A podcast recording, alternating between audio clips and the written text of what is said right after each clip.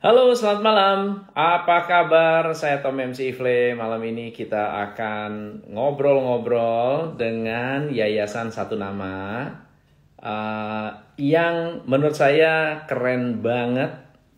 Uh, buat teman-teman yang belum tahu apa itu Yayasan Satu Nama, saya akan uh, berikan uh, bacakan sedikit profilnya uh, dan saya yakin banget Anda akan belajar sesuatu yang bagus banget pada hari ini karena uh, satu nama adalah sebuah organisasi yang sudah berdiri cukup lama, uh, merupakan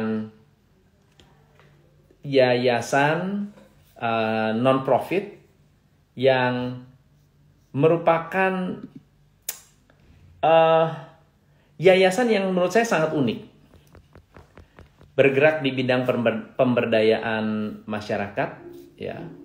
Ada pendampingan, ada advokasi, ada pelatihan, uh, lalu kemudian juga membantu masyarakat sudah sudah sudah berdiri sejak tahun 75 kemudian uh, berkembang dan mendapatkan proyek-proyek yang cukup cukup apa ya cukup uh, menarik dari uh, dari masyarakat dari pemerintah sangat sangat aktif. Ya ini ini termasuk termasuk uh, sangat sangat kredibel. Makanya saya melihat dan merasakan pentingnya untuk mendukung lembaga-lembaga uh, seperti ini. Jadi saya bukan biasanya kalau kita membantu dan mendukung lembaga-lembaga seperti yayasan yatim piatu itu ya. Uh, itu kita saya saya punya beberapa yayasan yang secara rutin saya support gitu ya. Tapi ini ini ini untuk bencana alam. Nah buat teman-teman yang uh, ingin belajar kita akan belajar bersama uh, uh, perwakilan dari Yayasan Setenama yang nanti Anda bisa bisa uh, kenalan sendiri nama uh, yang tentunya kalau sudah uh, tahu kegiatan-kegiatannya Anda bisa mendapatkan begitu banyak manfaat. Halo Pak Karel. Halo, malam Pak Tom. Kedengaran suara saya? Ya, dengar-dengar. Malam. Terima kasih banyak sudah sudah ya. mau bergabung pada live kita malam hari ini, Pak Karel. Ya, terima kasih Pak. Apa kabar? Sehat? Uh, luar biasa, luar biasa. Pak Karel, jadi uh, malam ini uh, kita mau ngobrol-ngobrol tentang bencana alam yang sekarang ini sedang banyak terjadi nih di Indonesia. Ya, ya tapi mungkin sebelumnya Pak Karel uh, Tuhehai bisa uh, share dulu, uh, kenalan dulu buat teman-teman siapa tahu mau kenalan lebih jauh tentang Pak Karel sendiri dan Yayasan Satu Nama. Boleh boleh diceritain dulu nih. Ya, uh, terima kasih Pak Tom udah mengundang di satu acara yang menarik buat kami. Uh, atas nama satu nama mengucapkan banyak terima kasih karena sudah boleh dilibatkan dalam bincang-bincang di malam hari ini. Uh, saya Karel, saya dari uh, kebetulan yang dipercayakan untuk mengawal salah satu departemen yang ada di Yayasan Satu Nama, uh, namanya Departemen Kesehatan Jiwa dan Disabilitas atau Disabilitas. Uh, Oke. Okay. Ya, jadi kami sendiri ada di Yayasan Satu Nama itu ada tiga departemen Uh, dan departemen kami ini merupakan departemen yang masih sangat muda begitu. Jadi baru kurang lebih 3-4 tahun lah gitu. Tetapi ada departemen yang sebenarnya sudah sudah cukup lama dan uh, dengan beberapa tiga departemen, masing-masing departemen ada 3 sampai 4 unit begitu Pak. Hmm. Mungkin itu eh, teman-teman uh, perkenalan dari Yayasan Satu Nama dan saat ini Yayasan Satu Nama berkantor di Jalan Sambisari, nomor 99, Dusun Duet, Desa Sendangadi, Kecamatan Melati, Kabupaten Sleman, DIY. Oke, wow. Jadi kalau kegiatan dari Yayasan Satu Nama ini cukup uh, variatif ya. Jadi bukan hanya sekedar uh, menyalurkan uh, bantuan, tapi juga ada pendidikannya. Kemudian ada kesehatan mental ya. Ya, ya, betul. Dan difabilitas. Boleh cerita nggak? Uh, kalau di dalam kondisi bencana alam uh, Sulawesi Mamuju juga ikut membantu ya Yayasan Satu Nama ya uh, iya uh, saya kebetulan nanti hari Sabtu mau berangkat ke sana dan okay. uh, apa namanya ya dengan Pak Tom juga sudah membantu ya membantu kami untuk melakukan apa namanya donasi menggalang uh, donasi dari publik dan bantuan itu kami sendiri yang akan uh, salurkan ke sana bekerja sama dengan salah satu mitra kami yang ada di Makassar yang memang punya posko sendiri juga langsung di uh, daerah uh, apa Sulawesi Barat gitu. Iya. Rencananya hari kalau, Sabtu kami akan. Hmm. Nah, teman-teman nih pengen pengen dengar cerita kalau membantu uh, yang yang yang kalau sebelum Sulawesi Jogja juga sempat kena Merapi kan ya? Uh, iya, jadi uh, satu bulan lalu, dua bulan lalu kalau nggak salah itu kan ada erupsi ya di, di Merapi Betul. dan kami sendiri sudah merespon itu pasca erupsi itu kalau tidak salah bulan Oktober atau November saya lupa dan saya kebetulan juga uh, mendukung kegiatan di salah satu desa di Magelang namanya Desa Peningar. Yeah. Kemudian ada satu desa Glaga Harjo di Sleman. Eh, kami yeah. melakukan penguatan kepada masyarakat di dua desa itu uh, bagaimana supaya memastikan mereka uh, ter apa ya bisa didampingi lah untuk memperkuat kelompok ada di desa itu ada namanya kelompok uh, peduli atau forum pengurangan risiko bencana kami menguatkan mereka untuk supaya kemudian apa namanya bisa aktif dan juga melakukan kegiatan-kegiatan uh, pendampingan psikososial kepada anak-anak terdampak dari erupsi uh, Merapi kemarin. Kemudian pasca uh, setelah itu kemudian ada erupsi di uh, Semeru di Lumajang. Uh, kami juga ke sana untuk melakukan kegiatan yang sama. Terus kemudian okay. terakhir ini rencana akan ke Sulawesi Barat. Boleh ceritain nggak kalau misalnya ada satu kejadian bencana alam, lalu kemudian uh, efeknya terhadap psikologi uh, uh, masyarakatnya atau anaknya itu apa sih uh, efek terburuknya kalau sampai tidak dibantu? Ya, kalau efek terburuk ya mungkin kalau anak-anak sebenarnya bukan hanya anak-anak ya, tapi ya. Uh, siapa saja, siapa pun yang mengalami kondisi karena bencana pasti akan membekas misalnya uh, itu kemudian ada yang sulit tidur artinya hmm. mungkin dia takut tiba-tiba ada gempa misalnya hmm. nah itu juga itu juga apa ya uh, membawa kepada kondisi dia yang uh, secara psikis kurang stabil gitu nah hmm. maka memang perlu ada penguatan sebenarnya untuk uh, apa namanya warga terdampak supaya memang dia itu bisa menjalani hidupnya dengan tidak terganggu dengan kecemasan misalnya atau ketakutan yang berlebihan karena pernah mengalami situasi di mana uh, terjadi gempa gitu. Jadi ketika ada misalnya ada bunyi-bunyi atau apa gitu kan kemudian menjadi semacam uh, membuat dia merasa takut ya, ketakutan ya. Ya, ya, ya ketakutan yang ketakutan yang kemudian ketakutan itu ya ketakutan yang berlebihan misalnya. Makanya hmm. perlu ada di dalam situasi bencana seperti itu memang perlu ada yang disebut dengan psikososial, bagaimana kemudian melakukan pendampingan kepada uh, masyarakat, tidak hanya anak, tetapi uh, siapa saja gitu.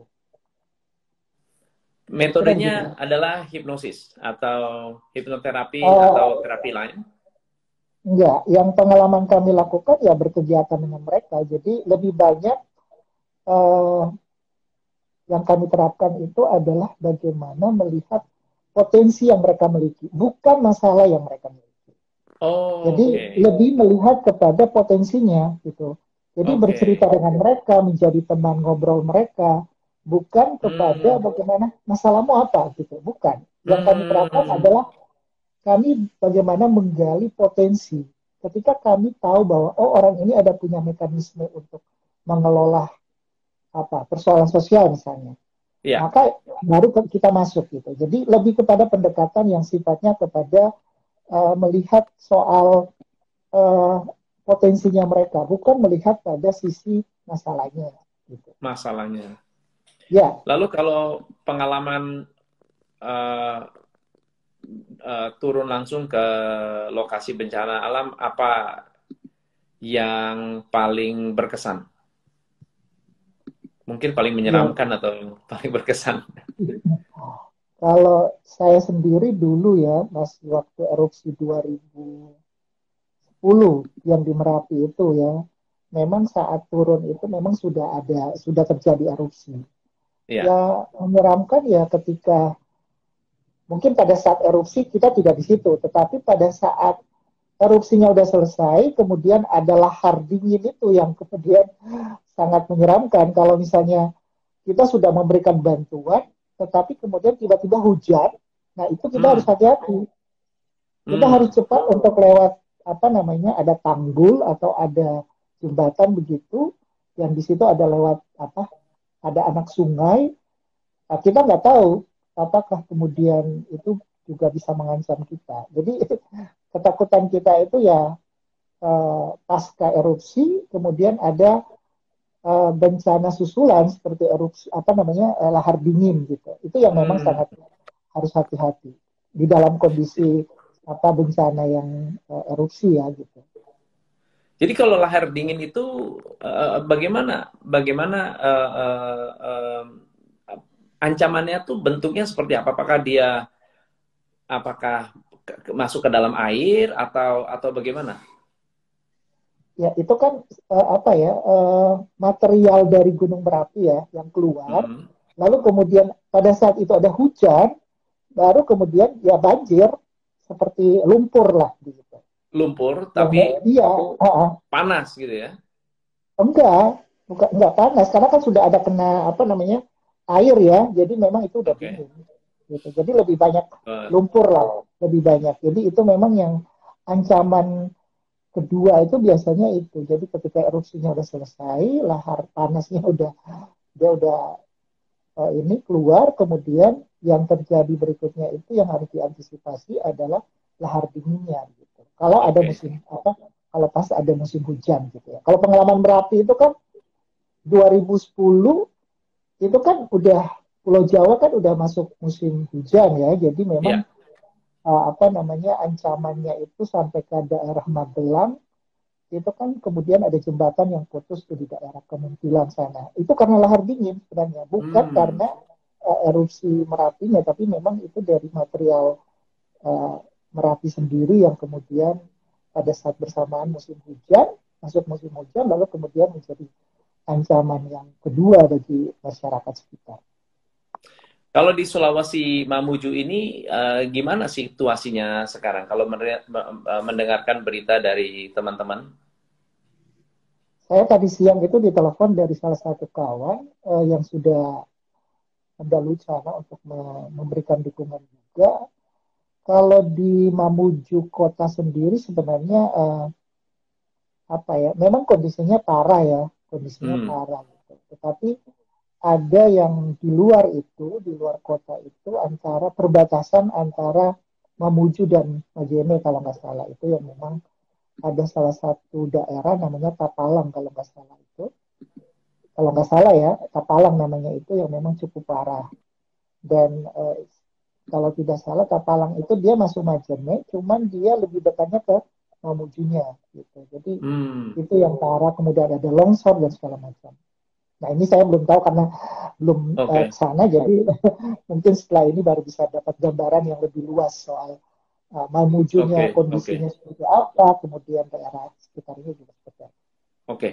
nah kemarin kalau baca koran atau lihat beritanya banyak bantuan sampai ditahan ya, dijarah ya, di karena karena karena sudah sudah sedemikian sedemikian sulitnya mereka mendapatkan mungkin makanan atau atau bantuan. Jadi mobil apa pun ditahan untuk di dijarah. Apakah itu terjadi di setiap uh, bencana alam atau saking parahnya sampai orang nekat seperti itu? Saya kira itu mungkin karena kurangnya koordinasi kali ya. Karena um, hmm. saya yakin bahwa masyarakat memang juga butuh bantuan begitu. Yeah. Cuman mungkin aja yang uh, koordinasi mungkin antara otoritas setempat mungkin yang kurang sehingga uh, dan juga kadang dalam situasi yang chaos seperti itu kan kemudian informasinya kan jadi simpang siur ya. Jadi misalnya, oh daerah sana itu banyak bantuannya gitu. Ya udah kita tahan aja mobil bantuan yang sini gitu. Nah, makanya okay. memang apa pengelolaan apa ya komunikasi informasi itu yang semestinya juga harus di, dikelola dengan baik gitu sehingga tidak terjadi seperti yang kemarin-kemarin itu. Karena saya yakin ya masyarakat juga pasti akan apa ya tidak tidak seperti itu yang mereka inginkan kan. gitu. Ya. Nah kalau dari segi uh, uh, yayasan satu nama, kalau melihat situasi dari bencana alam yang ada, sebetulnya paling dibutuhkan bantuan apa sih? Apakah makanan saja yang paling paling mereka butuhkan? saat terjadi gempa seperti ini? Uh, saya kira itu uh, macam-macam ini ya, apa namanya tipe bencana itu kan sebenarnya beda-beda ya, dan yeah. akibat daripada bencana itu pun juga pasti akan berbeda begitu. Hmm. Nah, uh, yang pasti bahwa ketika terjadi bencana itu, yang harus kemudian direspon itu yang pertama kali adalah bantuan makanan misalnya. Yeah. Makanan, kemudian uh, apa namanya air bersih yang di, di apa bisa dibilang adalah salah satu kebutuhan yang sangat urgent pada saat itu. Karena yeah. biasanya kan ketika terjadi bencana itu kan kemudian rumah roboh, orang juga sudah tidak bisa nyaman untuk masuk ke rumah untuk masak ya memang bantuan-bantuan seperti makanan yang cepat saji misalnya ya untuk yang katakanlah misalnya satu dua hari pasca bencana itu kan biasanya ada dapur umum yang dibangun.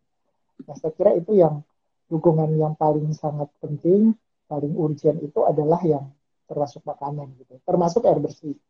Gitu. Hmm. Mungkin itu pak. Oke, Jadi uh, apa iya termasuk air bersih dan juga dukungan-dukungan medis misalnya. Kalau ada yang terluka misalnya ya berarti itu kan harus dirawat atau dirujuk.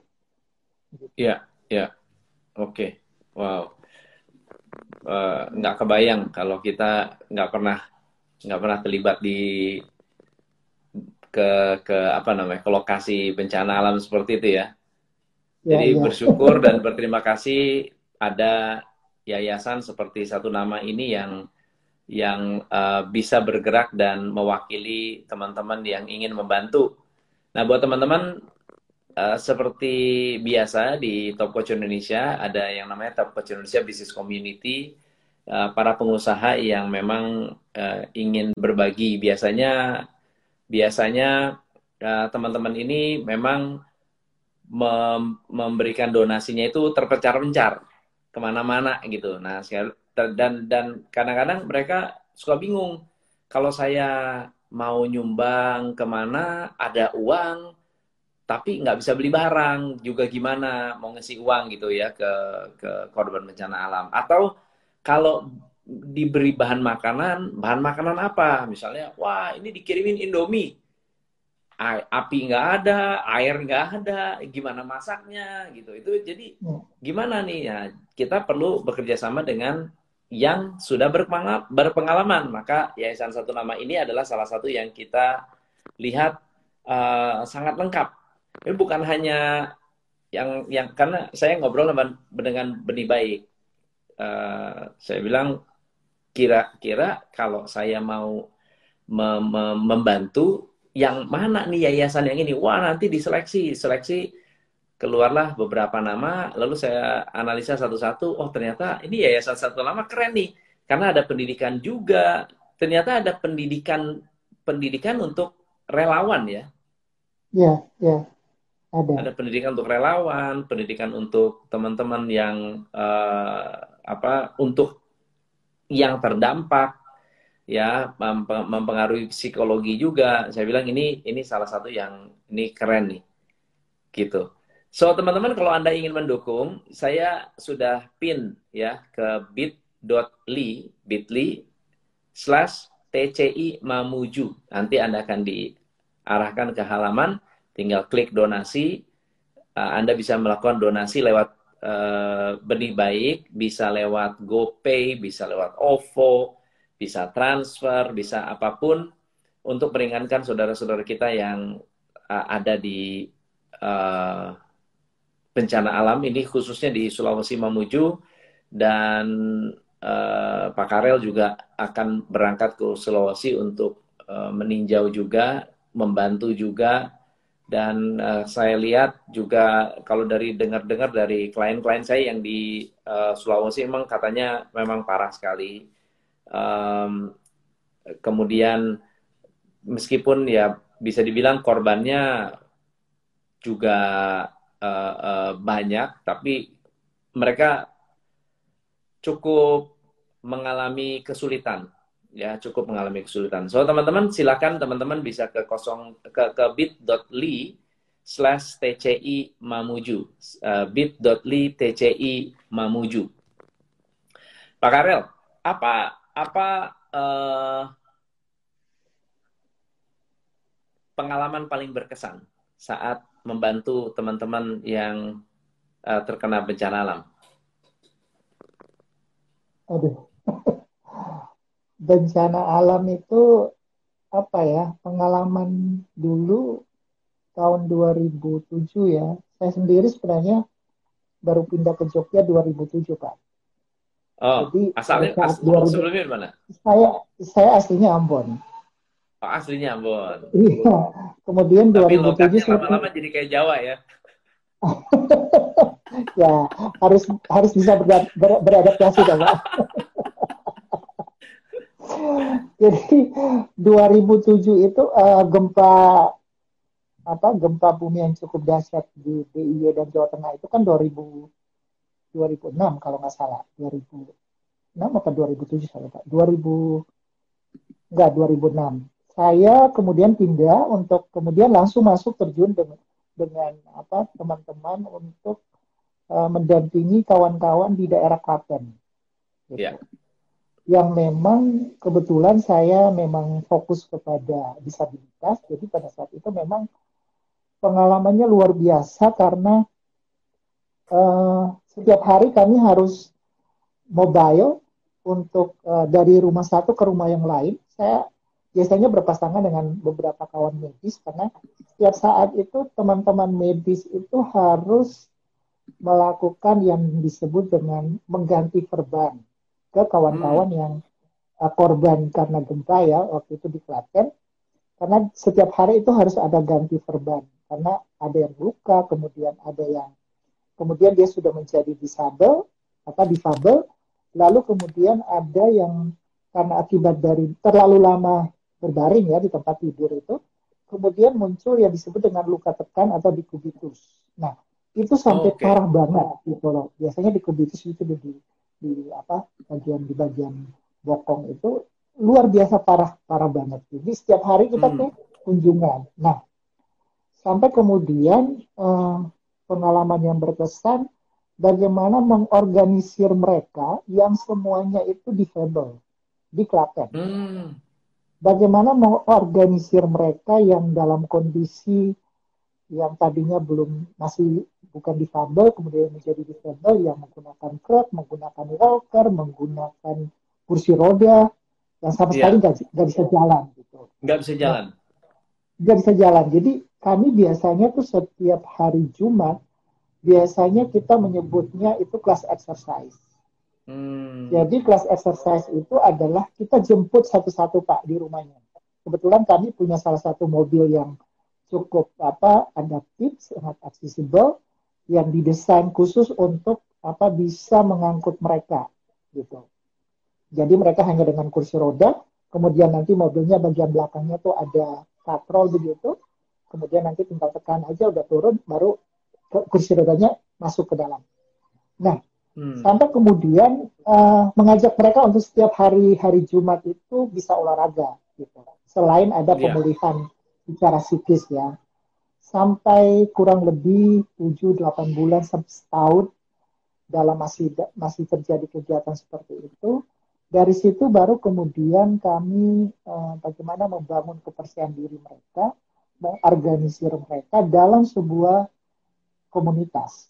Gitu. Hmm. Komunitas khusus memang disable. Nah, okay.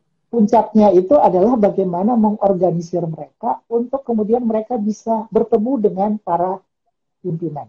Dalam hal ini pemerintah. Hmm untuk melakukan lobby advokasi terhadap hak-hak mereka gitu loh.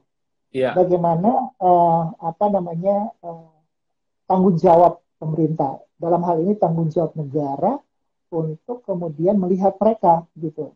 Artinya uh, menurut mereka ini kan bukan yang kita inginkan begitu, tetapi sebagai warga negara kami juga punya hak yang sama dengan warga negara yang lain. Nah, puncaknya adalah yang sangat berkesan saya bagi saya wow. itu adalah bagaimana membawa mereka untuk kemudian beraudiensi dengan DPRD, dengan pemerintah, untuk melakukan upaya advokasi untuk uh, apa namanya membuat salah satu peraturan daerah. Peraturan daerah tentang hak difabel. Itu tahun 2000 uh, eh, sekitar 2010 awal. Prosesnya 2009 dari 2007, 2008, 2009 itu kita masih proses pemulihan, Pak. Jadi masih apa mendampingi mereka rutin, bagaimana me, membangkitkan lagi semangat mereka yang tadinya mungkin cuma setiap hari di tempat tidur di rumah, tidak keluar ke mana-mana, lalu kemudian diajak keluar untuk berorganisasi, gitu. Untuk berorganisasi, karena kan tidak mungkin kita dari NGO ya melakukan ke sana gitu. Yang persoalannya kan adalah kawan-kawan ini bukan kita gitu. Kita hanya di belakang, kita backup. Nah, orang-orang yang tadinya kurang percaya diri, yang cuma tinggal di rumah, yang kemudian apa namanya uh, tidak pernah ke mana-mana, ya kita ajak, bayangkan aja, kita ajak keluar, kemudian bertemu dengan para pejabat, beraudiensi, kita mau seperti ini. Maka harus ada payung hukum wow. untuk kita. Bagaimana? akhirnya setahun berjuang 2010 awal itu keluarlah peraturan daerah itu Pak. Itu yang menurut saya sesuatu yang apa ya berkesan gitu. Jadi uh, membantunya itu benar-benar tuntas ya. peraturan daerah.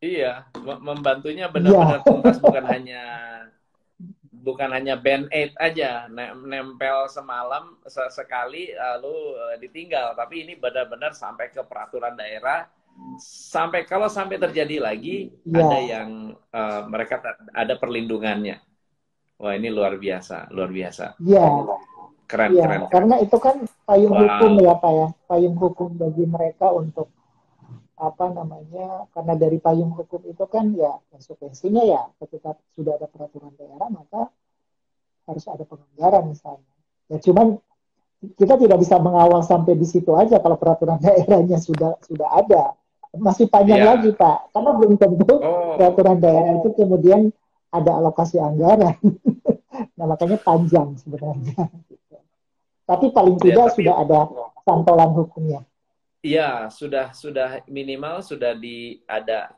kakinya separuh dari dalam pintu gitu ya, dalam rumah ya supaya ya. bisa bisa bisa masuk. Wah, Pak Karel ini dengar-dengar uh, apa kisah-kisahnya menarik banget. Nah, teman-teman kalau ada yang mau bertanya silahkan. Iya, nggak apa-apa. Kenapa dia? I don't know. Nggak apa-apa, nanti Papa ke atas. Have you finished? Oh, sedikit lagi. Cepetan.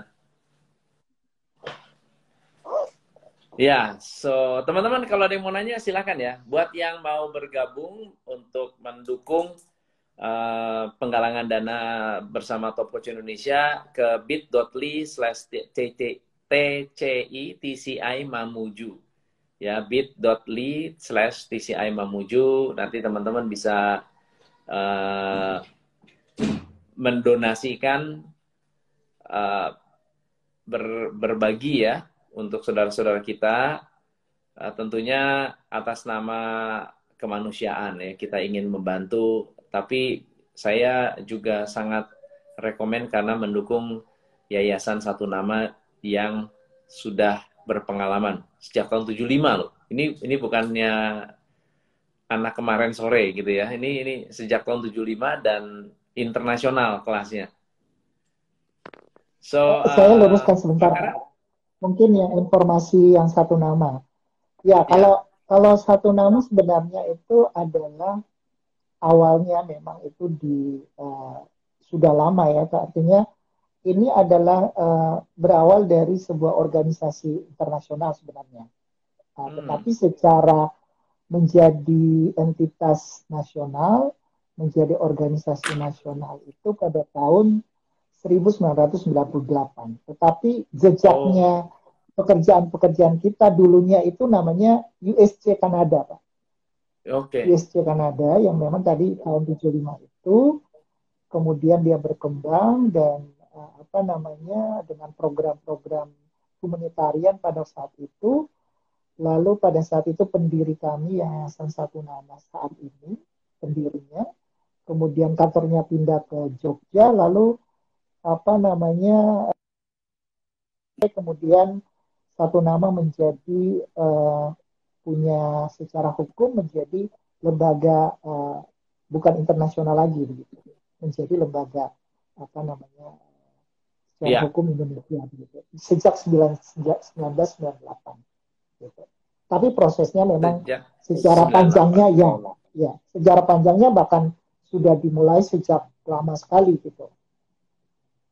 Bukan 78, sebelum ya. itu sudah Tapi programnya belum berubah ya. Kalau uh, saat programnya ini, hampir ya, sama.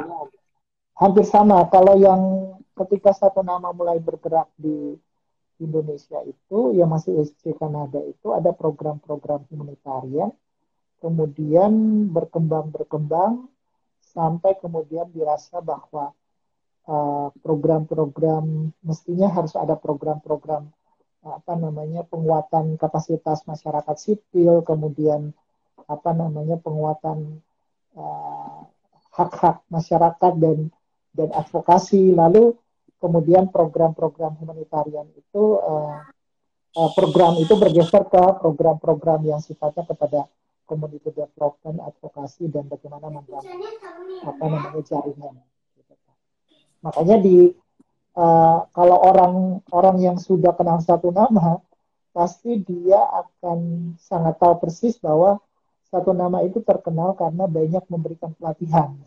gitu. Iya. Iya. banyak pelatihan yang kita berikan memang dan alumninya udah ribuan Pak di seluruh Indonesia bahkan juga sampai ke Timor Leste. Gitu. Siap, siap.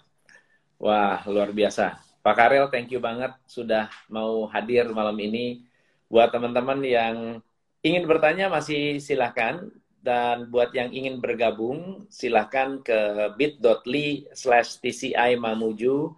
Sudah ada saya pin juga, bit.ly TCI Mamuju, buat membantu teman-teman kita yang berada di luar sana. Ah, kita sedang ah, membuat program juga, Pak Karel, untuk mengadakan ah, seminar-seminar uh, penggalangan dana, di mana nanti hasil dari seminarnya ini kita akan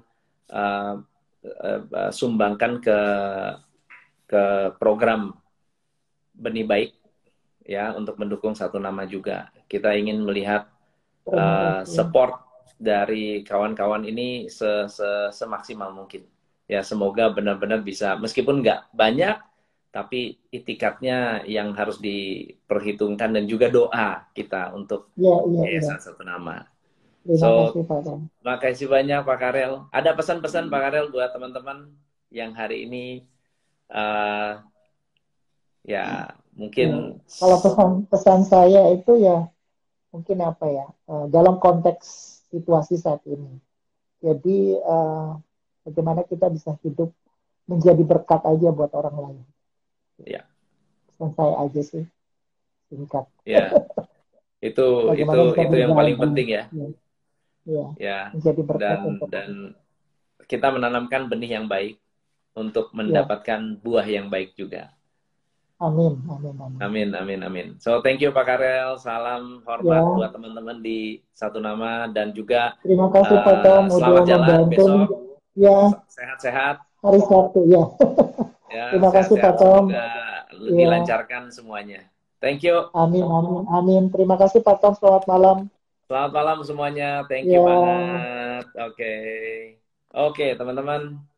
Eh, seperti teman-teman tadi eh, dengar ya bahwa membantu teman-teman yang sedang mengalami korban bencana alam itu sangat-sangat kompleks. Bukan hanya kita kan tahu ya masyarakat itu kan luas sekali. Ada anak-anak, orang tua, ibu-ibu, ada yang bisa jalan, ada yang tidak bisa jalan, dan ini semua harus mendapatkan dukungan dan bantuan. Dan bantuannya nggak bisa hanya sekedar makanan.